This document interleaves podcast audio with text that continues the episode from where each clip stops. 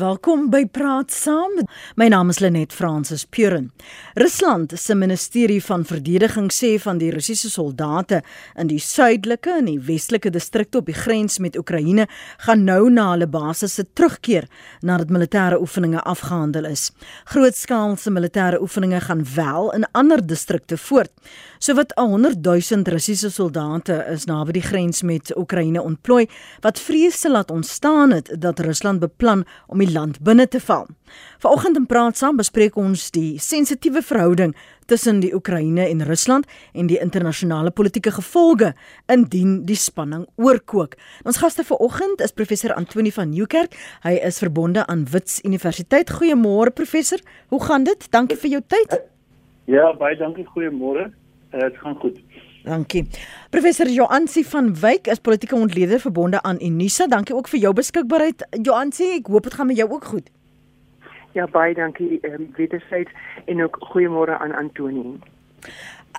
Joansi, as ons kyk na die situasie met Rusland en Oekraïne, waarom altyd hierdie spanning indien Rusland net te naby aan die grens van Oekraïne kom of daar oefen of hoes? Ja, net hierdie is natuurlik 'n lang aanloop mm. wat ons sien. Ehm um, die mees onlangste is natuurlik nou van verlede jaar Oktober af en nou die troepbewegings waarna jy nou pas verwys het. Maar ons moet bietjie teruggaan in die geskiedenis om te verstaan wat hier um, ter sprake is. En nou nie om mense te te ehm um, ehm um, verveel nie, maar ons moet onthou dat hierdie verhouding tussen hierdie twee state kom so ver terug as die 1800 selfs voor dit. Hmm. Ehm um, een van die bepalende momente was die die Krimoorlog van die 1850s, 1854 daar rond. En ons weet natuurlik dat Oekraïne met die tyd dan nou deel geword het van die Sowjetunie se invloedsfeer en die Warskoupak wat daarmee saamgegaan het.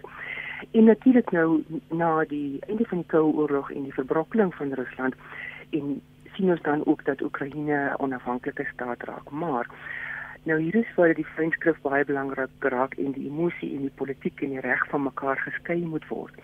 Want nou ehm um, die opbreek van die Sowjetunie het Rusland byvoorbeeld saam met ehm um, NAVO en um, Europese lande het hulle ooreenkomste onderteken wat daarop neerkom is ons gaan die state wat nou nie geskep is met hierdie verbrokkeling se grense gaan ons um, erken. Met ander woorde die sogenaamde Budapest uh, memorandum.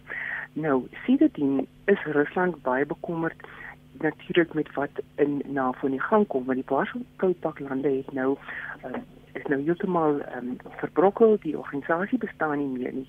En Rusland het leef met hierdie vrees soos wat die weste met dieselfde tipe vrees leef teenoor uh, Rusland is dit daar is vertrouensbreuke wat oor eeue heen kom en Rusland vrees vir sy eie veiligheid en sy stabiliteit omdat Oekraïne dan nou mettertyd baie naby aan um, Europa, Europese Unie uh, beweeg het, na 'n NAVO beweeg het mm. en Lesbos dan nou nog 'n land is met hierdie wonderlike geostrategiese posisie aan die Swart See wat dan deur die Bosporuskanaal basies toegang gee tot die Middellandse See, 'n korter roete na die Atlantiese Oseaan en die Indiese Oseaan, 'n warmwaterhawe um, vir Rusland wat hoofsaaklik in die pole ehm um, vas sit.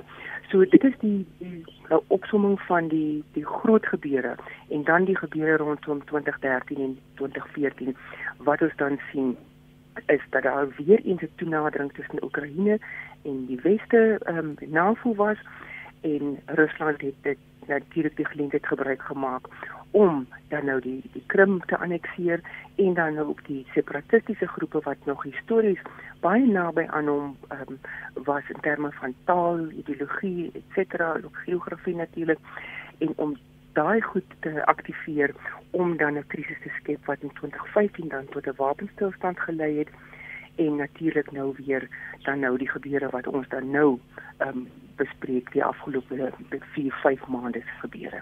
So Rusland is ehm um, natuurlik nou die uitstaande staat hierso.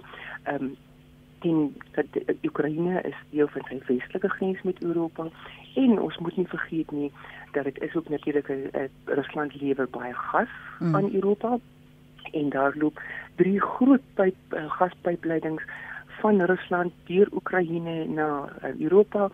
En ja, dit het nou ook 'n tipe van 'n 'n gaslyn politiek dan nou geword. In Europa is dit nog in die winter en hierdie tipe goed gebeur gewoonlik in die winter wat um, Rusland dan um, sy spiere gebruik om meer um, waarborge uit Europa te kry maar ek sal graag wil hoor wat Antonio wil sê. Voor voordat ons verder beweeg want jy het nou baie dankie ook vir daardie agtergrond wat jy vir ons geskets het en ook waarom die Oekraïne so 'n juweel is en en die implikasies daarvan indien um, Rusland hulle wel sou binneval. Kan ons net vir 'n oomblik na Antonie stil staan by die omwentelinge, veral die politieke skuwe en die spanning selfs binne Rusland met en sonder uh, Vladimir Putin die afgelope dekade en 'n half? Sjoe, ja, so ek dink jy het 'n lekker opsomming gegee. Ek wil die eerste ding wat ons moet sê vir vir ons luisteraars en onsself dat is dat dit 'n komplekse mm. probleem wat nie maklik opgelos kan word nie en ons kan uh, ons kan nog 'n uh, uur spandeer op die intriges, jy weet, van die geskiedenis. Uh toe die gaan oplees het oor die Oekraïne, toe kom ek agter ons moet teruggaan ten minste 1500 jaar. Dis 'n antieke kultuur wat gevestig het uh wat wat slawies en russies van aard is en wat nou uh uh onopgeloste probleme probeer aanspreek. En ek moet sê ehm um, Vladimir Putin uh, is 'n sleutelfiguur. Is dalk die belangrikste man wat hierdie krisis aanbetref. Maar daar's ander spelers ook. En as ek uh omtrent uh net 'n paar tree terug staan van Johan se se handige verduideliking Nou moet ek sê daar's selfs groter issues hmm. uh op die spel as net die Oekraïne. Uh naamlik die die die die die, die na-oorlogse internasionale politiek wat gedomeineer word deur deur die Amerikaners met verskeie administrasies. En wanneer Amerika as 'n superpower uh is 'n wêreldmoondheid uh en die sterkste ekonomie in die wêreld en hulle speel 'n spesifieke rol in in die wêreld. Hulle hulle meng in waar hulle dink hulle empire bedreig word of waar hulle geleenthede soek. Ehm um, in uh, Amerika word teengestaan deur die opkomende empire van die Chinese en dan die vergaande empire van die Russe met Putin wat baie hard en soms desperaat probeer om vergaande glorie te herstel. Uh en die manier waarop Putin dit wil doen uh en 'n mens kan net koue logika te gebruik om in sy skoene te staan om te verstaan hoekom hy so aggressief optree. Is uh hy het jy weet die die Russe na die val van die Sowjetunie en die kommunisme is eintlik 'n skadu van hulle voormalige self. Uh vriende van my sê dat uh, Rusland is maar eintlik bankrot. Hulle leef eintlik net op oliegeld uh en inkomste. So hulle is desperaat om die ekonomie in die hand te hou en Putin word ook ideologies en nasionalisties gedryf om seker te maak dat Rusland uh uh uh, uh nie skade ly deur die Amerikaners en die ander bedreigings. Ek het vergeet om van Europa te praat. Ek weet nie of Europa 'n internasionale speler is nie want hulle sukkel ook maar die Europese Unie. Maar kom ons noem dit die drie groot spelers in hierdie drama wat besig is om te ontvou. En Putin se spel is regtig waar om seker te maak dat Rusland sy sy uh, wat is dignity, sy ehm um, uh, menswaardigheid, waardigheid. ja, sy waardigheid uh kan behou of terugwen. En Putin sê ek wil eintlik 'n uh, post Sowjetunie uh uh uh, uh groepering van state aan mekaar sit. 'n uh, tipe uh, teenvoeter vir die vir die Europese mm. Unie, my eie Unie en ook om die Amerikaners bietjie weg te hou want hulle meng oral in en hulle maak heeltyd oorlog. Ons kan daaroor later gesels. En so Putin sê vir die Europeërs en vir die Amerikaners met ander woorde die weste wat saamspan in hierdie uh organisasie met die naam van NAVO. Ehm um, moenie naby my eie land kom of op my grense kom boer of vir my bure sê hulle moet by julle aansluit nie en jou, jou eie unie groter maak nie want dit bedreig my. Ja. Dit bedreig die die die die die Russiese identiteit en en plek in die wêreld en sy poging om om ekonomies en polities te herstel en om invloed in die wêreld uit te oefen. Sy persoonlikheid dink ek dryf die Russe tot hierdie punt. Daar's nie werklik waar intern in Rusland enige oppositie vir Vladimir Putin nie. So hy staan man alleen en dryf die Russiese buitelandse beleid en hy het baie magtige uh, soort van instrumente tot sy beskikking as ek vinnig kan bysê. Ehm um, hy maak nie net konvensioneel oorlog soos soos die Amerikaners geneig is om te doen nie. Ehm um, hy gebruik kuberoorlog. Ja. Ehm um, hy bedreig mense, ehm um, hy intimideer mense. Hy stuur 130 000 troepe na jou grens toe.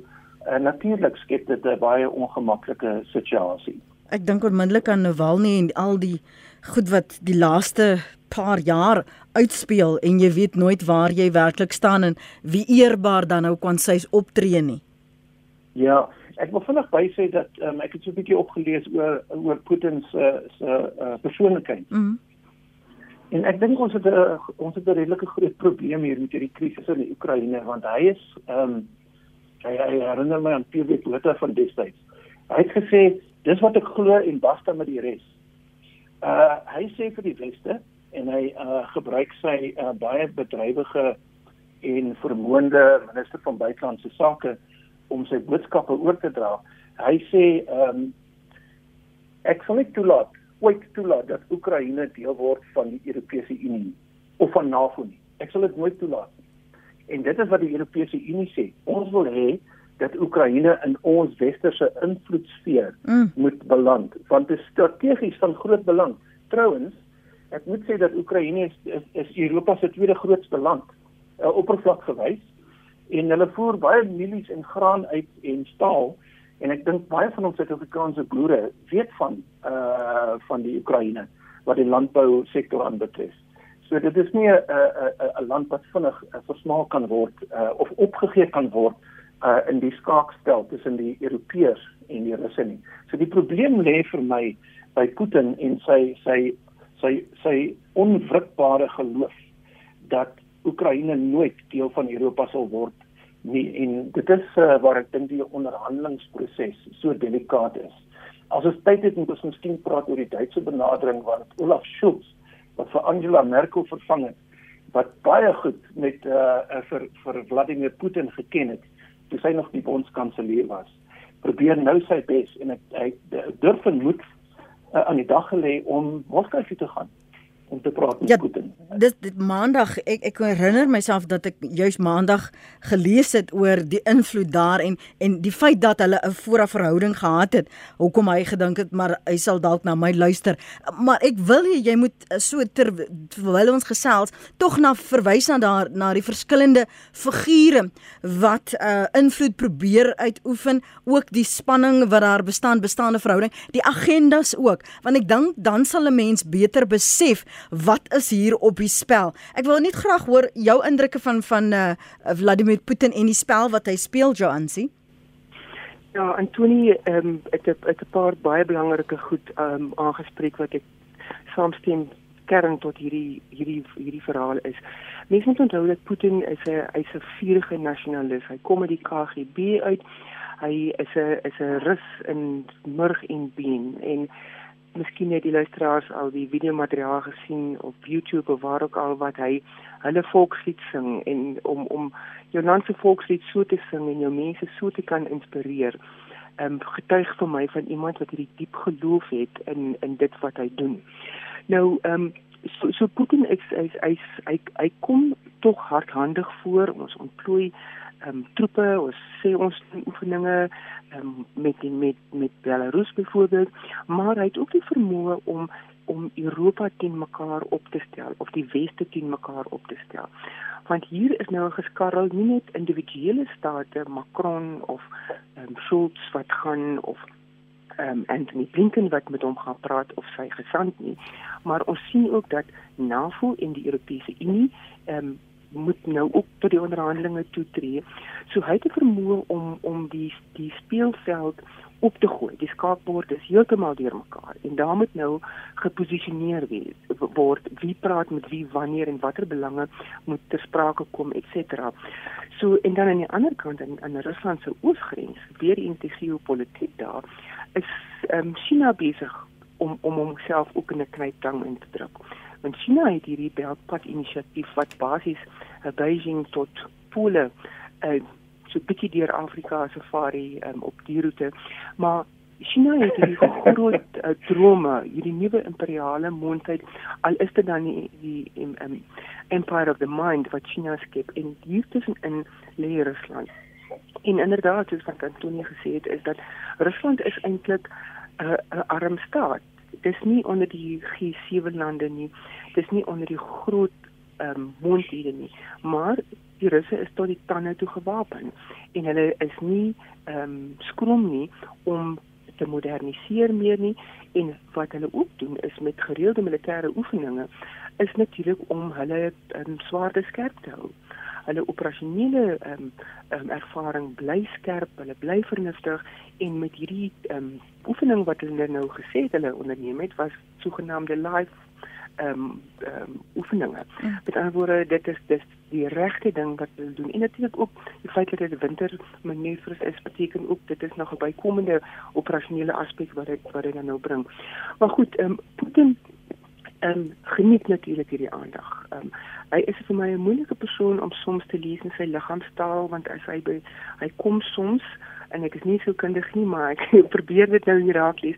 Hy kom soms onseker in sy in sy liggaamstaal voor hy nie byvoorbeeld die George Bush um, nommer 43 die cowboy bakarm um, um, tipe houding nie hmm. hy kom bietjie meer onseker in sy persoonlikheid voor maar dit is eenvoudige skans waar agter 'n baie sterker eistere wil homself bevind en natuurlik nou hierdie nou hom staan in die geval van Oekraïne staan nou wat as 'n grap vir die vorige verkiesing gestaan het in in ehm um, ehm uh, in ja, die grap word toe verkies.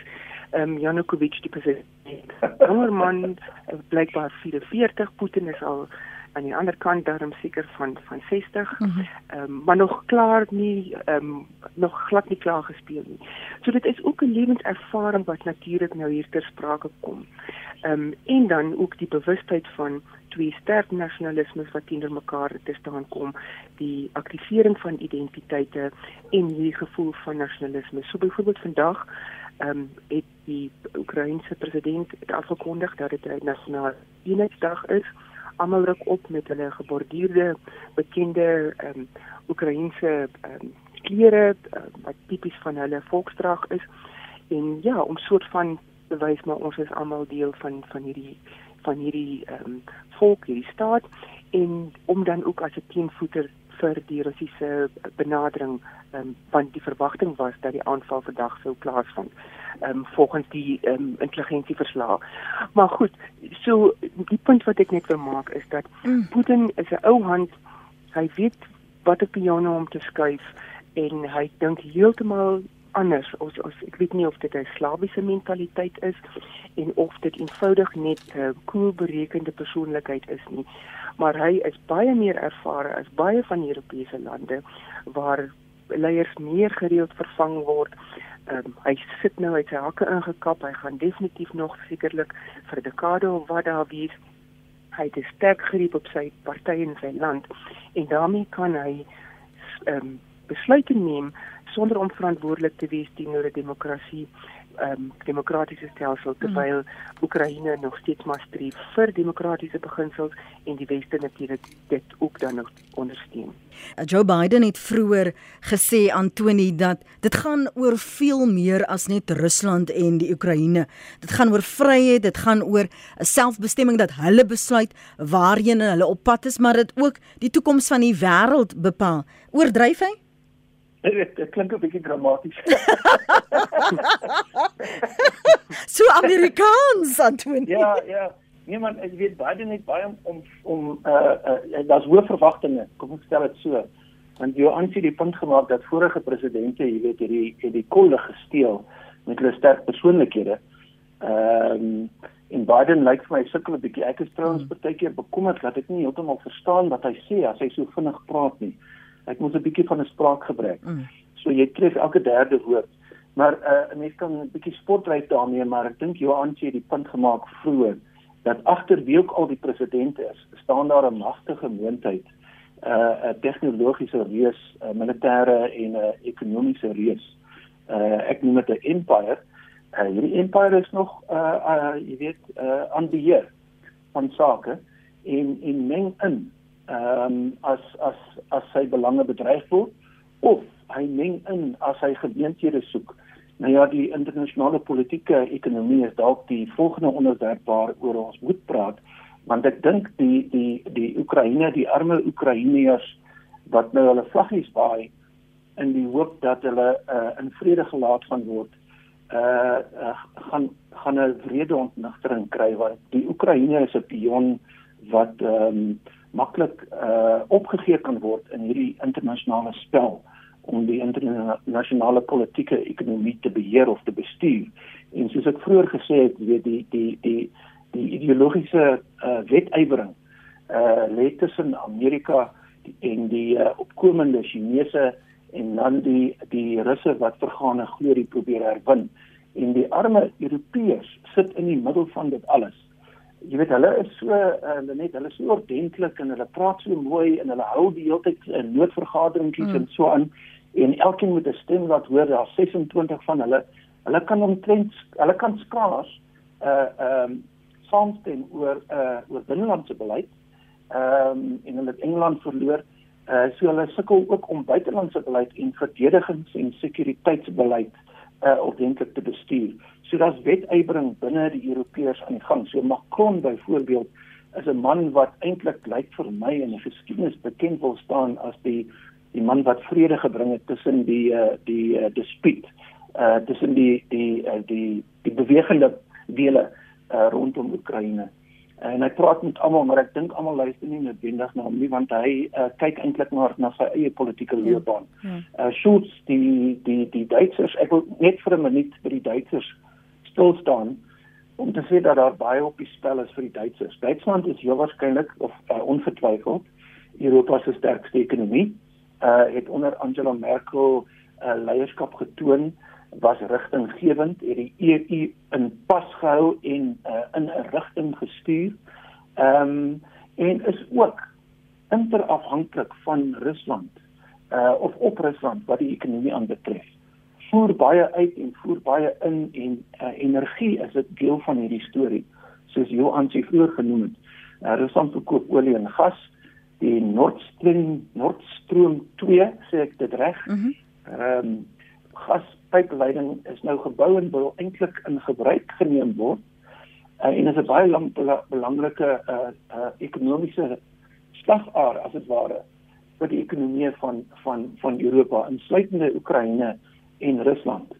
Ehm um, en as as as daar 'n oorlog uitbreek of as die kom ek stel dit anders, as die konflik verdiep en as daar nie 'n oplossing, 'n diplomatieke oplossing gekry word vir hierdie probleem nie, dan gaan lande soos Duitsland 'n sleg tweede kom want hulle ekonomie is reg reg afhanklik van stabiliteit hmm. in hulle onmiddellike streek.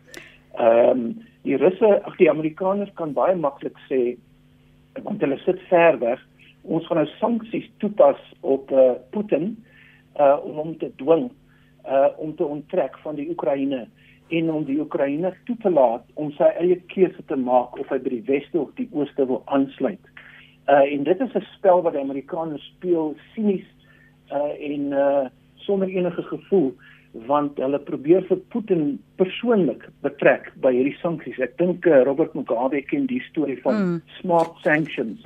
Uh, so jy jy jy jy wat is target jy jy teken teken 'n uh, 'n uh, 'n uh, 'n uh, uh, individuele persoonlikheid en sy familie of sy handlangers uh, persoonlik om hulle dan uh, ekonomies te dwing of op die knie te dwing maar dit sal dalk nie onmoontlik wees uh, net vir die Amerikaners of die westerse alliansie om vir Rusland op sy knie te dwing nie soos hulle probeer doen dit met Iran nie maar dan moet jy jouself afvra wat die impak en die skade ja. gaan wees op die wêreldekonomie. Ek kan onmiddellik dink dat as hierdie tipe van ehm uh, uh uh um sensitiewe saak nie opgelos word in komende weke nie en daar's inderdaad 'n uh, verdieping van die konflik dan gaan die olieprys op opskiet en en baie meer word as wat ons nou gewoond is. Mm. Uh, dit gaan 'n onmiddellike probleem wees. Die tweede een is as hulle Rusland wil uitsluit uit die wêreldekonomie uit deur allerlei tegnieke te gebruik, dan gaan Rusland mos nie stil sit nie. Hulle is hulle is meesters met ehm um,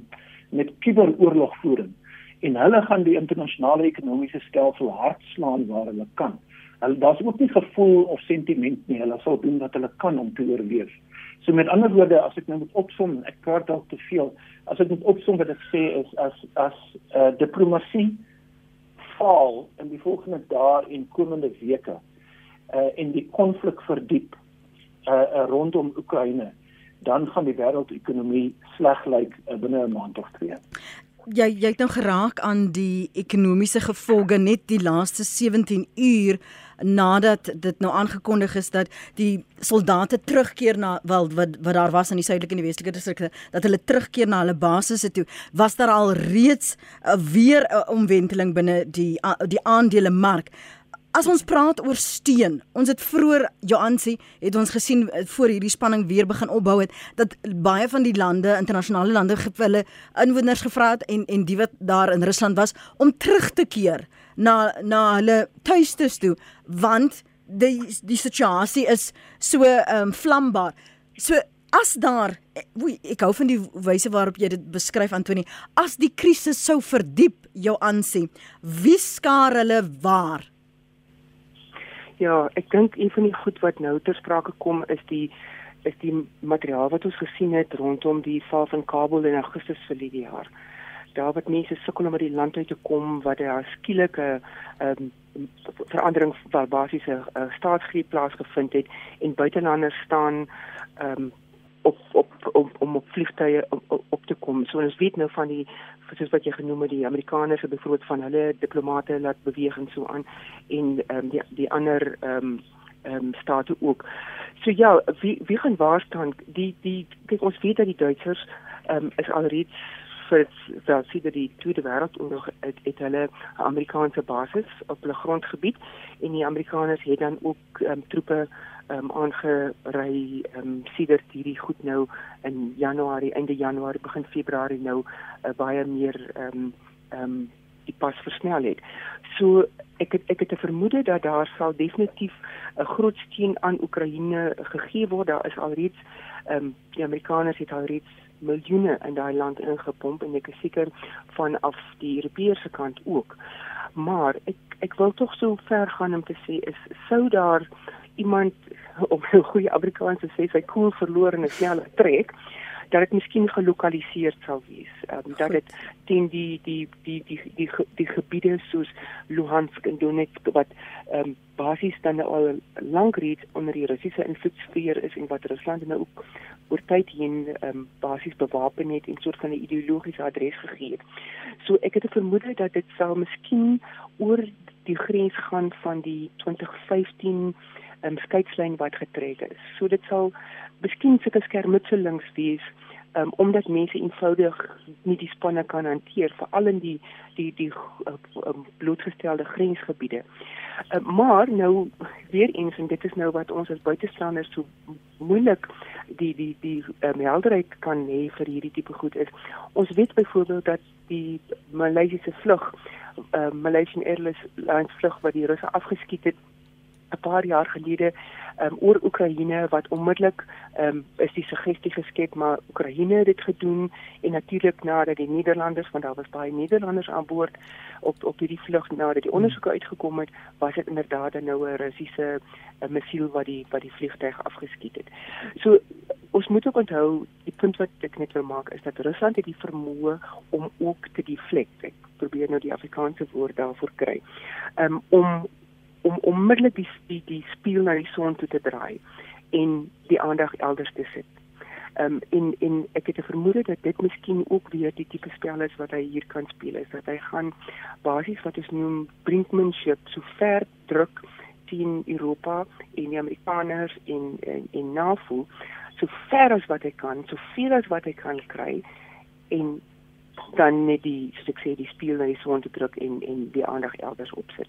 Ehm um, wanneer die land dan wanneer hy in staat dis ge, geword het om dan om om sy belange te dien.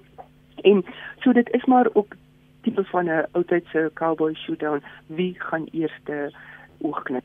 Mm. Ehm um, en en en wie gaan die sneller trek? Nou die geskiedenis word baie geskryf deur die sogenaamde groot manne, maar ons weet ook dat 'n gewone mens in 'n gewone dorpie, grensdorpie kan sy koel verloor en dit kan 'n kettingreaksie hê. Ja. En um, ons as buitestanders weet nie presies wat die spanning daar is nie.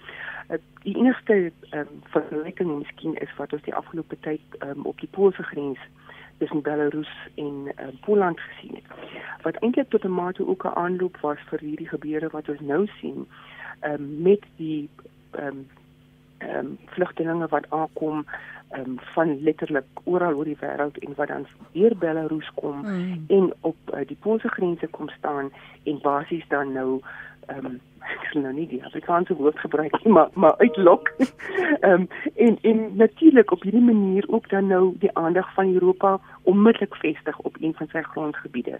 En natuurlik dan wat Putin dan kan sê maar kyk, julle is dan nou die groot menseregte bevorderaars en hier is nou weerlose mense wat julle nie um, aan aandag wil gee nie. So Putin het die manier om om die realisme met die idealisme te kan verweef en natuurlik 'n groot kenner um, van van Europese um, patologie. Hy weet waar om in te skop. Hy weet waar om om hulle hulle op te wen en natuurlik reageer hulle daarvolgens. Ja. Ehm um, ek wil net aansluit by iets wat Antonio ook vroeër genoem het ehm um, van die van die koue oorlog ehm um, en en die die feit dat ons basies um, met met hierdie situasie sit wat 'n klomp goed wat nog nie opgelos is na die koue oorlog nie. En, en mens kan miskien sê ons is al weer eens in 'n in 'n in 'n oorlogsfase daarna. Maar ons moet ook onthou dat ehm um, Rusland is nie net besig met dit wat hy in Europa doen, byvoorbeeld op die Oekraïense grens nie of um, die Poolse grens deur middel van Belarus nie. Rusland is baie betrokke in op ons eie kontinent ook. En ehm um, Joansi hou hou net so ja? hou net so gou daai gedagte want ek wil hom ter, die die gesprek terugbring na Suid-Afrika toe en Goed. en en Afrika.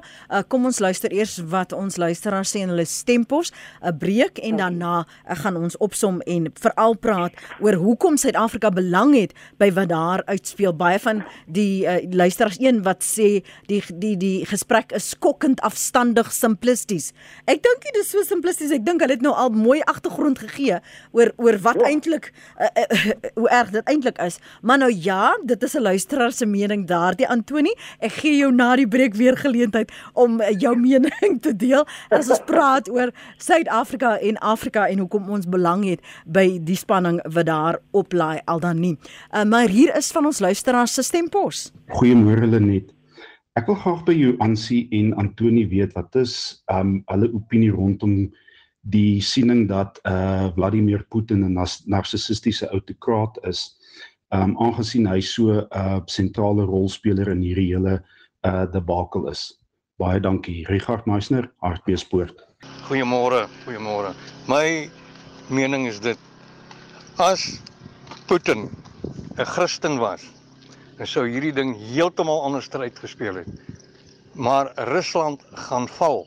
Ek sê nie nou nie, maar hy gaan hard val binne die uh binne 'n kort tydjie.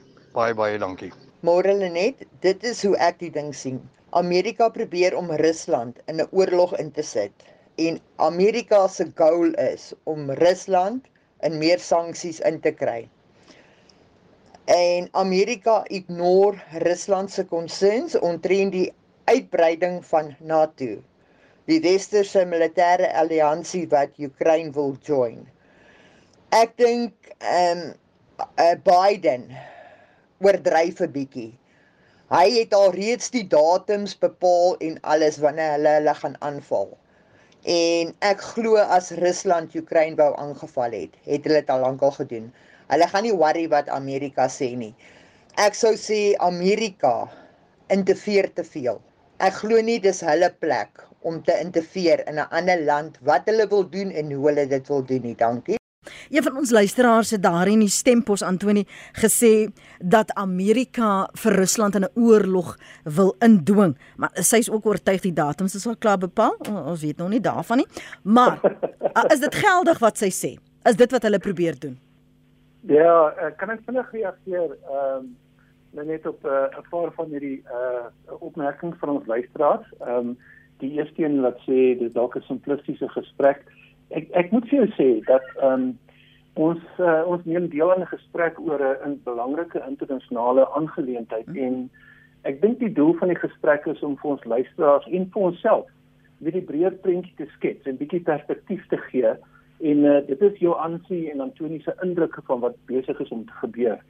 Uh, 'n Mens kan dit ook anders benader. Jy kan byvoorbeeld probeer om die ambassadeur van Oekraïne, jy weet wat in Pretoria sit en vir die afgelope 3 dae nog nie geslaap het nie, jy weet uit te nooi om deel te neem aan die gesprek en miskien met hom te praat daaroor of ons kan in detail praat oor jy weet 'n uh, uh, 'n dele van van die krisis waaroor wat ons nog nie eens genoem het nie. Uh, byvoorbeeld uh, Rusland het gewoon vir die Krim skiereiland, jy weet oorgeneem in 2014 en dit het allerlei gevolge gehad. Maar ek is baie gemaklik met die idee dat ons soort van 'n breë perspektief probeer gee. En ek ek is ek hou daarvan as luisteraars reageer want hulle neem nou deel aan die gesprek. Ja. So met ander woorde, uh, ek dink Richard Meisner ek onthou, hallo Richard, uh, sê dat uh, Putin is 'n narcistiese autokraat. Ons het juist daaroor gepraat. Mm. Hy is 'n baie moeilike persoonlikheid om te pyl. Uh, ander iemand het gesê as hy 'n Christen was, uh, dan was dit nie dalk nou nie hier nie. Maar ek moet jou sê die Amerikaners wat hulle uitgee as baie gelowige Christene het uh, vir 20 jaar oorlog gemaak in Afghanistan uh, en verloor.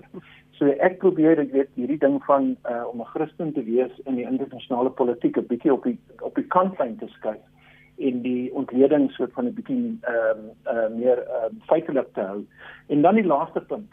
Ek dink die, die die dame wat gepraat het van uh, die Amerikaners wat eintlik die Russe tot 'n val wil dwing uh, meer as een mens dink so en ook in die opmerkings.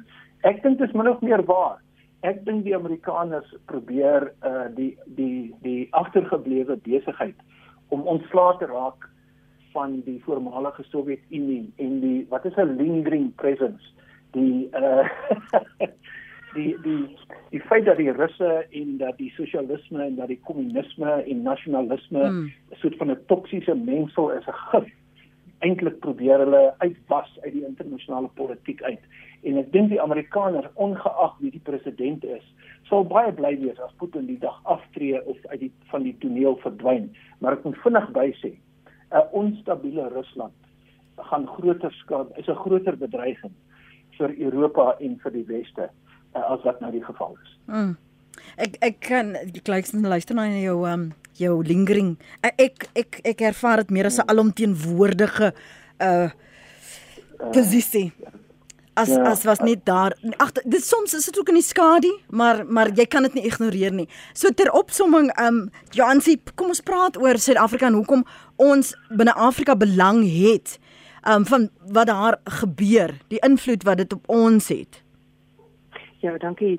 Ehm um, ek wil ook net vir die luisteraars baie dankie sê dat hulle lekker aktief deelneem. Dit dit help ook vir ons om te dink oor oor goed en ehm um, veral ek wil ook net net um, op my kollega Richard Meisner. Hy's regtig my kollega net vir hom sê ons ons kan hierdie gesprek voortvat. Maar ja, dit is natuurlik 'n 'n 'n moeilike veld. Ehm um, die politieke sielkunde van van leiers omdat 'n mens nie altyd baie naby aan hulle kan kom nie. Mm. En dis natuurlik ook 'n baie belangrike aspek wat ons in hierdie land moet verstaan want dit is geen net nog 'n betekenislaag aan die politiek. Ehm um, en dan oor die die op oor die oor die substansie van die van die gesprek. Ehm um, ek sou graag wil as as die persoon net 'n kans kan kry om net vir ons kan sê maar wat wat is die diepte goed wat so iemand graag sou wil hoor, dan kan ons natuurlik almal daarbey leer. Maar om terug te kom na Suid-Afrika toe. Ehm um, Oekraïne is, is ek gaan dit net gou weer 'n historiese koneksie maak hier. Ehm um, die een wat ding wat ons moet onthou is dat daar was 'n Suid-Afrikaanse betrokkeheid by die Krimoorlog 18 in die 1850s wat ek genoem het. Byvoorbeeld die Britte het boerperde uit Suid-Afrika gebruik.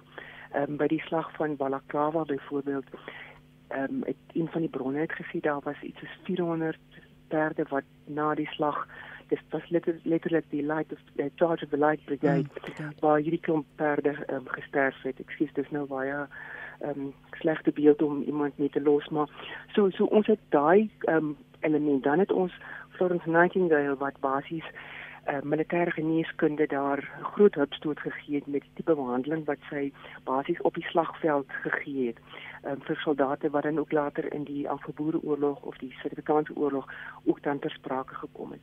dan kom ons gaan fast forward omtrent 100 jaar vorentoe is um, in ons eie land um, op die oomblik um, het ons mense in die regering en in die in die breër strakkelkringe wat in Odessa wat een van die stede um, in die suide ons maak dit suid weste van Oekraïne opgelei is. Daar is nou wat uh, bereken word 300 ANC kaders daar opgelei gedurende die die bevrydingsstryd onder andere Ronnie Kasrils, Domodisi is daar opgelei. So daar is ook 'n uh, uh, daardie tipe wat ons het. Maar um, as ons dan nou in die politieke konteks kyk dan weet ons dat ons bande met Rusland is baie sterk uh, binne die BRICS konteks maar ook dan binne binne uh, ideologiese konteks natuurlik.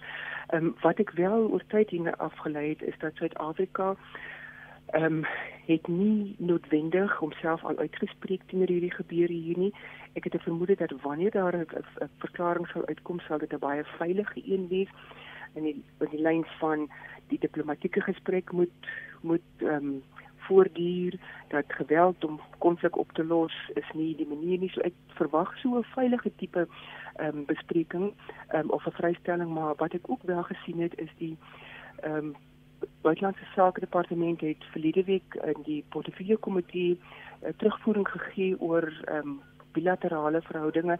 En dit was my opmerklik dat die kommentaar wat oor Oekraïne gegee het en let wel toe was hierdie konflik natuurlik nou al of hierdie spanning natuurlik nou al geruime tyd in die gang is daar basies net terugvoering gegee is ons sukkel om twee visa ooreenkomste met hulle te onderteken.